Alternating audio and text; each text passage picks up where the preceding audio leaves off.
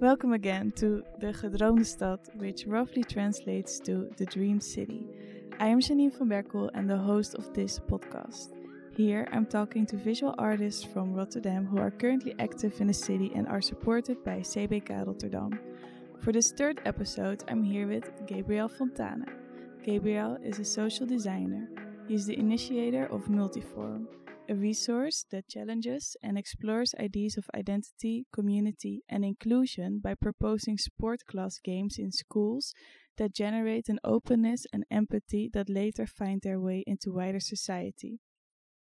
The project Multiform is an ongoing design research that questions and reinvents the social and political role of sports in contemporary society by considering the body as a learning tool, the research investigates how inclusivity can be taught in the sport class. This will result in the development of a new educational toolkit. Consisting of new uniforms, sportball games, and objects, the kit will offer innovation for discussion about diversity within education. At the moment, Gabriel is also a tutor at Willem de Kooning Academy and a guest teacher at St. Lucas in Antwerp. We will elaborate on multiform later on in the conversation, but first we're going to talk about public artwork in the city.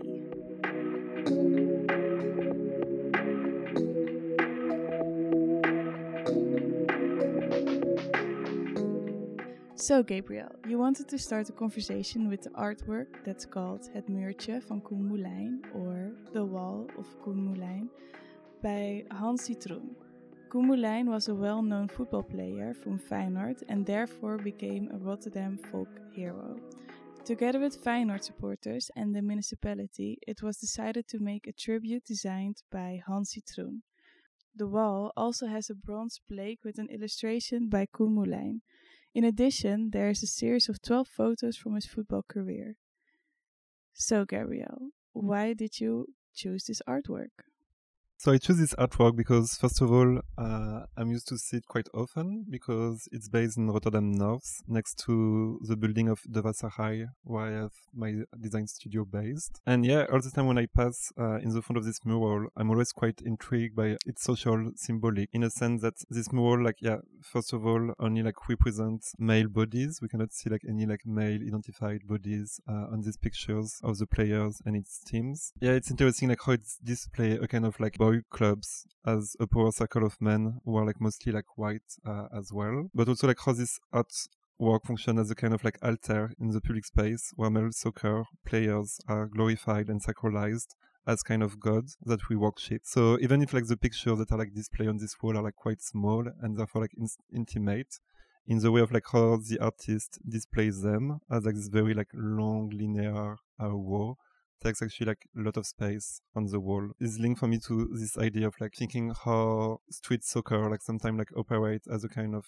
practice of man spreading where usually you only see like male identified like bodies playing like soccer uh, on the streets taking up disproportionate space as a cost of the space available for other bodies. So for me yeah I choose this artwork because it symbolizes like all this idea also of like how boys quickly learn early in life how to take space through the system of a ball and sport practice and how this kind of like gender social phenomenon occur not only like in public space but actually also in school context. Yeah i think it's like very interesting that a lot of uh, research have been made lately in the field of uh, social geography and have shown that often in schoolyard the football pitch occupied the central space as a kind of like male territory that is delimited by the outline of the field on the ground and that is often occupied exclusively by boys. Moreover, the boys extend this territory outside the pitch itself by kicking the ball and moving their body in a very expressive way, and therefore push the girls to play in the periphery of the schoolyard, as often on the benches or next to the wall, and therefore, these studies uh, have shown that from a very young age, girls start to internalize that the space allocated to them is a peripheral one, a side position. In such cases, this girl develops strategies to negotiate the space, so as not to cross the central point of the sport field, instead walking around the side and staying close to the wall. This logic for moving in a social environment is internalized and can be seen to reoccur later in life, at work or in public space. So manspreading can be seen as boys or men taking up space. Was this like a starting point for you to um, develop your own practice? Yeah, sure. So actually, since the past three years, now even like four years, my practice focus on sport and physical education, where my research asks how through playing team sport games we learn the values of society but also start to like internalize some very like specific social norms and group behavior. Some of these values, however, are not neutral and contribute to the reproduction of social hierarchies and different logic of exclusion related to gender, uh, racism, sexisms, and ableism. So here I'm thinking, for example, of all the ideology of competitiveness that we often find uh, in sport games, but also like all the ideology of uh, having an enemy where we, usually we play in one specific team against the other one which also like reinforce a kind of uh, binary uh, thinking but also like the whole ideology of uh, hypermasculinity, domination. So therefore, I believe that from very early in life, starting at school, these normative values are internalized, affecting our bodies, our mode of thinking, and interacting with others. And so, in that sense, I started to dedicate my practice to the development of alternative team sport games that come to challenge this, but also that aim to reinvent physical education as a kind of queer pedagogy. So, if I understand correctly, with your practice, you want to challenge the existing forms of sport games, like, for example, playing as two teams against each other by thinking of alternative ways of how sports can be played. But first, let's go to the beginning. Uh, can you tell us a bit more about how you started as a social designer?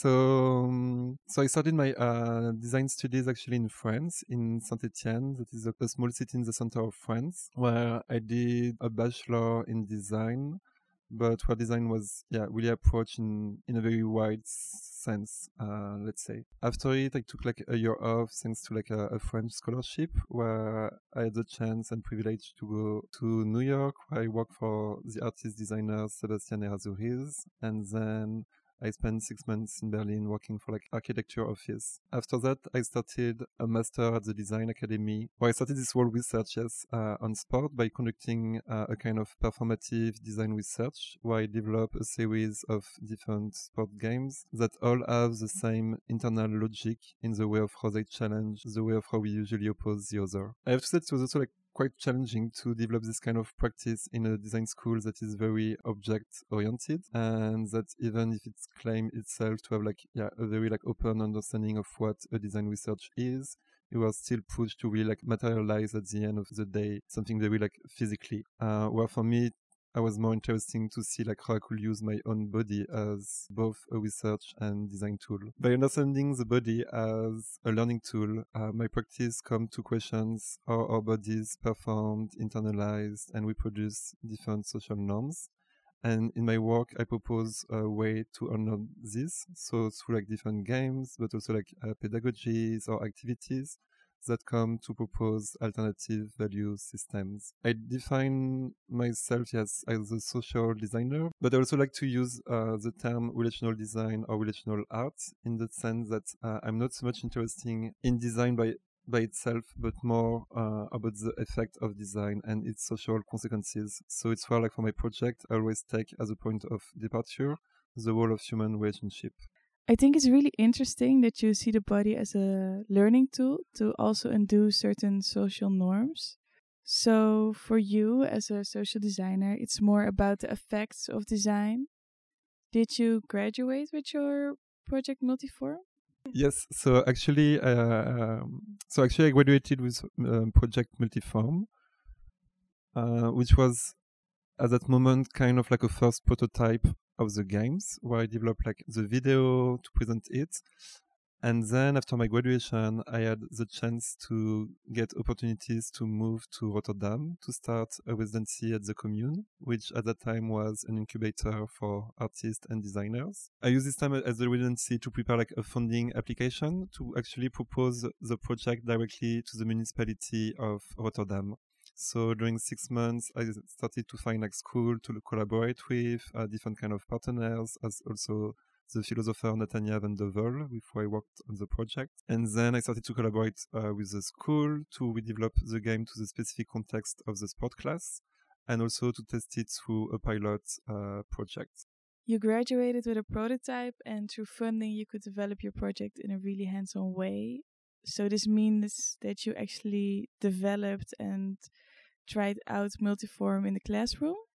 Yes, so actually we used to work with uh, four schools in total, all based in Rotterdam, two primary school and two secondary school. So I will say from seven years old until 15 more or less.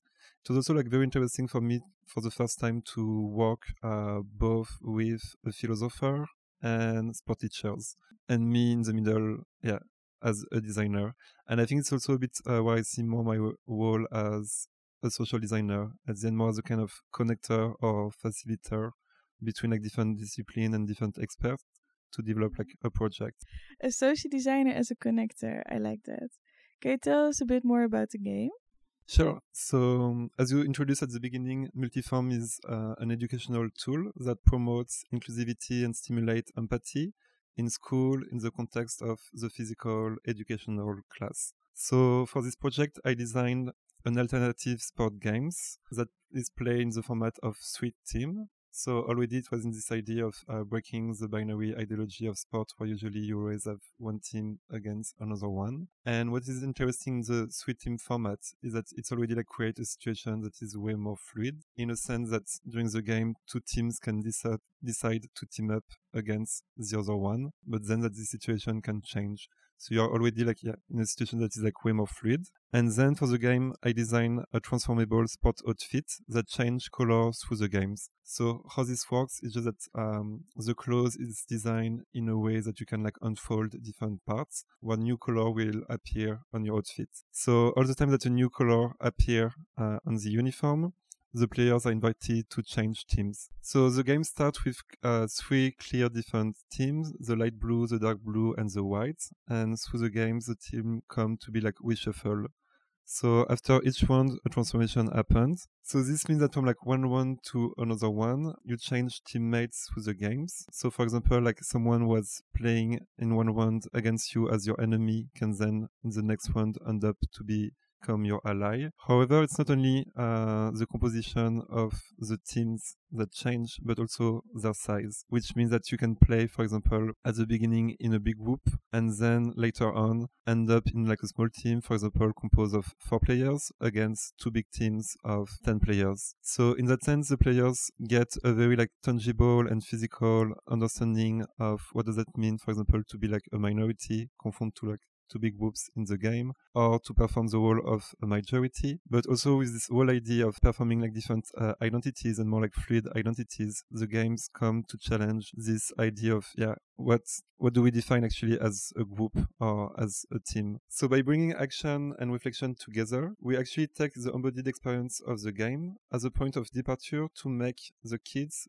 think and reflect about all kind of taken for granted uh, form of exclusion that are usually happening in this sport setting.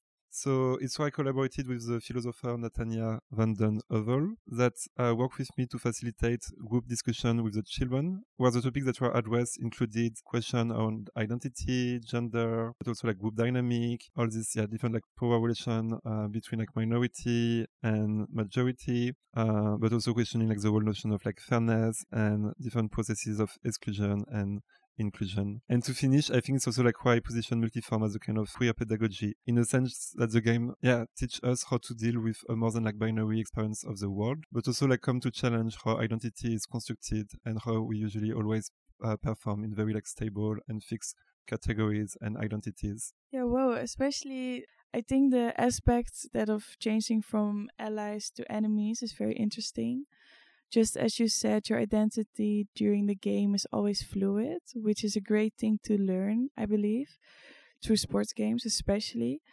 I wonder about these group talks that you have with children. What came out of this? Yes, for example, it was interesting. We were uh, asking the children to point out some like unfair moments that they experienced during the game, and like questioning this idea of like, yeah, what is fair or like unfair. The game creates like a very like unequal situation because you can like end up, for example, like in a smaller or like bigger group. But when we ask the children what was like unfair in the game, they could only like refer to some very like specific action, as for example, like someone like cheating during the game but they were not able to question yeah, the given rules of the games itself. So they were always yeah, referring to specific actions, but not questioning the rules. I can also imagine that you explained the bigger concept behind the game.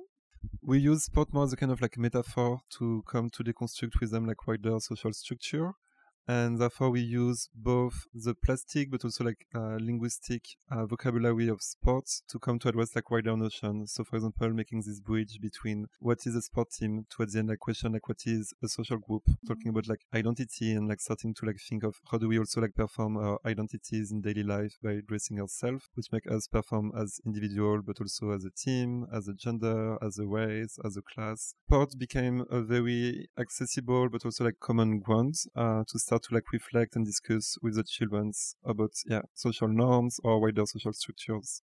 I believe it's very important to talk about social norms as race and gender and class, um, especially at an early age. So it's great um, that you use sport games as a metaphor for this. I'm wondering though, is this game actually about winning?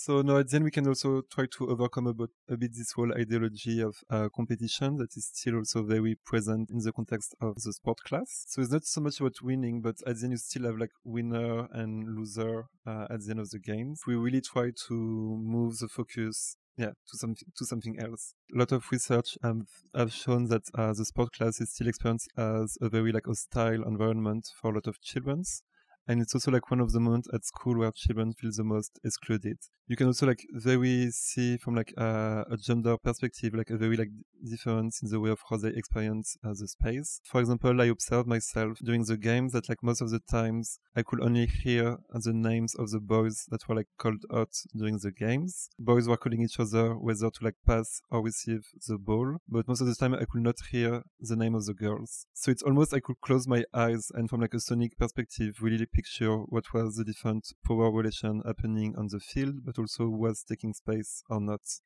These power relations that are exposed by voice is also something you're working on right now, isn't it? So, based on this uh, observation, first of all, I realized that uh, even if my practice is fully focused on the question of the body, I totally forgot uh, the question of the voice and the voice as part of the body all these past few years of research. From this observation that I just mentioned, I started to question how power is usually performed through the use of the voice in sports, but also like more generally, like how do we embody different uh, power position or hier- hierarchy through our voice? So I asked CBK, uh, a research grant, to have some time and tools to focus on developing a new series of queer sport games that will basically come to propose new mode of listening as a way to alter how power is usually performed through the use of the voice in this sport context. So it's where I'm playing now with this idea of how can we bring uh, methodologies of deep listening in sport practice and listening in a way of yeah listening to like each other and becoming like aware of uh, how much space do we take uh, and how much space is left for the other one. These new developments or direction with voices and listening came from this experiment where you tried to let kids play the game in silence, right? Yes, uh, true. After the observation that I made in the sport class, we decided to play like a team sport games with the children in silence, uh, which was very both funny and interesting uh, to to do and to see. And it was very interesting because after the game, we asked the children who prefer to play the game in silence. Actually, like almost like all the girls stand up and ensure that they preferred playing the game in silence because when they could speak, usually they feel like intimidated by the boys that often like shout out at them when they receive the balls. So you have this new plan to work with voices. How do you think you're going to develop as a social designer? What are the plans now at the moment? I think I'm currently a lot questioning also like uh, what is my role as a social designer and how far should I go and also like on which should I focus. So um, in a sense that with Multiform, we end up developing this tool, um, which is great, but I don't want to be the one implementing it forever. So even if I come with this aim to think how can I develop something that can be like integrated in like a school curriculum and therefore like bring a structural change uh, itself in the institution. I still also have the wish to develop uh, and experiment with new projects and methodologies as a designer. So therefore, I left Multiform a bit on the side for now. Uh, and to start to develop like uh, this new series of games, but also to acquire new skills as a designer. I know there's a time of reflection for yourself as a designer, which of course is always good. I'm super curious where your practice will go, but for now, um, let's talk about you living in Rotterdam. And I'm wondering how Rotterdam influenced your art practice. Rotterdam reflect my uh, art practice through its strong and great uh, queer community. I lived the past few years in a lot of different cities and actually very rarely see such yeah a strong network of support, care, and like political commitment uh, to each other. And we saw like a lot of uh, different like queer initiatives developed these past few years, from like Thunder Center, the Queer Space, to Clone the Party, or diverse uh, support group but actually also like a lot of uh, initiatives were made related to yeah, this idea of like queer sports or queer somatic practice that I found like very interesting. For example, in September we started the first uh, queer soccer club in Rotterdam that was initiated by Rowan Oosterhoff, um, but also there is uh, now the movement classes of the choreographer Conor Schumacher that also propose to explore the body in a totally like other way. And I also like, like to mention uh, among this project the great new initiative of the Queer Gym, uh, initiated by Romy Rocks. That is a body inclusive uh, gym located in Rotterdam. By body inclusive, it means all bodies, and in particular bodies that fall outside of the norms of our society, beyond the idea of gender, sexuality, body, body canon, or sexuality. It's also like where I'm working with uh, these different people and trying to see also like how, for example, maybe with the queer gym of Wami, we could start to build a wider like umbrella for all these uh, queer sport practices initiative in Rotterdam and so I think that all these uh, different like kind of yeah queer sport uh, initiatives are very beautiful. Um, mainly because usually like queer bodies uh, are very excluded or feel very unsafe uh, from like this sport environment. So I think it's important that we start uh, this, this movement to reclaim these spaces.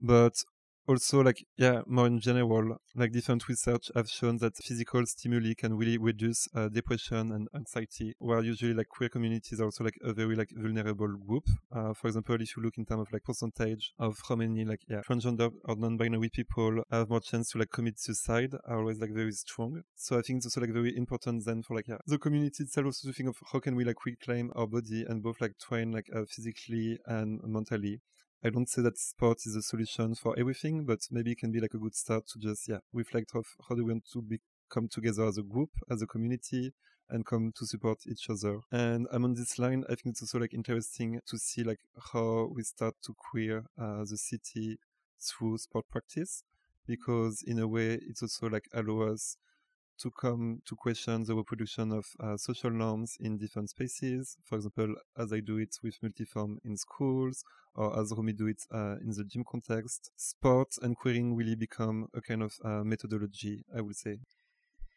It's beautiful that you found such a strong community here with queer initiatives such as the Queer Gym that also connects to your own practice. Can you tell me a bit more about queering the city? What does this entail?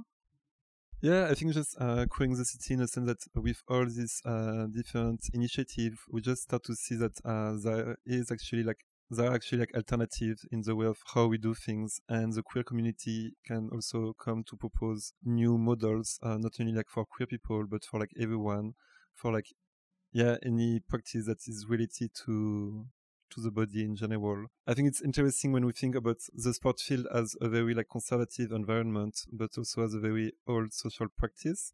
That never really evolved since the first ancient Olympic Games, uh, while on the other hand, our society had constantly experienced social changes, evolution, and revolution. Yeah, I, I just think there's like a lot of work, a lot of work to do, but also that yeah can become uh, just a tool also to. A little bit of a different question, but um, how how did you end up in Rotterdam actually? Because you studied in Eindhoven, you came from France, you lived in Berlin, if I'm correct, Yes. and now you're here, which is great, of course. So directly after my uh, graduation, I had like the opportunity to come here to develop uh, multiform with the city.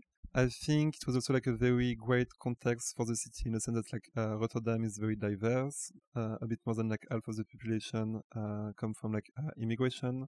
So the city was, so the municipality of Rotterdam was also like really looking for new ways of uh, tackling issues regarding inclusivity and diversity but also like just in general that I think it's a city that is very open for experimentation. Like for example, when I approached school, uh, I always have been like very like welcome, and they always told me that they were very happy to just experiment new ways of doing things. That I think is very like a strength to Rotterdam.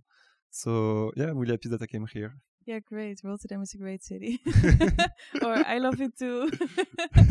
yeah, maybe we can now talk a bit about the art scene and like if you were in charge here uh, regarding uh, art and culture, like what would you like to do? So I think first of all, it's very important to to make the funding uh, system more accessible for like a wider range of uh, body. I mean, just from my own perspective, I think it took me like at least uh, a year to start to hear first about uh, the grant of CBK, even if I was already like very integrated in the art and design bubble. So what I would like to change, I think, it's to just maybe like give more like visibility to this platform by maybe like bringing them already like to schools uh, when like students get close to like their graduation and start already to reflect a bit on like how to continue their research further. I think it would be like great to just have a first introduction to all these amazing grants that are like available in the Netherlands, but that we don't necessarily have like access uh, to it.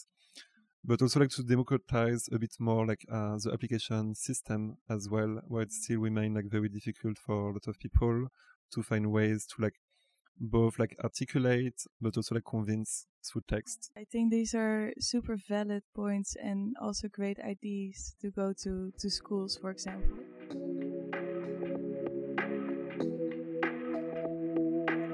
Gabriel, thank you so much. It was a pleasure talking to you. It was such a rich conversation, which definitely changed my perspective on sports games. I hope these kind of games could be implemented in the school curriculum, and it's important to talk about these topics. I also really enjoyed your perspective on queering the city in Rotterdam. If people are curious about your work, they can find it at www.multi-form.org. This information can also be found in our show notes. I would also like to thank the listeners and kindly request to share the podcast with family or friends or anyone who is curious. Also, don't be shy to leave a review so you have a bigger reach with this podcast. Next to this, I want to thank Elijah Waters for the music and Linda Purperhart for the technique. This podcast was made by CBK Rotterdam. For the listeners who are not yet familiar with CBK Rotterdam, we are working on a lively art climate here in the city. We enable artists to develop new work and a new language and develop joint initiatives. But we also work on art in public space. Together with artists, residents, and our partners, we shape a dream city. Do you want to know more about us? Then go to www.cbkrotterdam.nl. And for now, until next time. Thank you.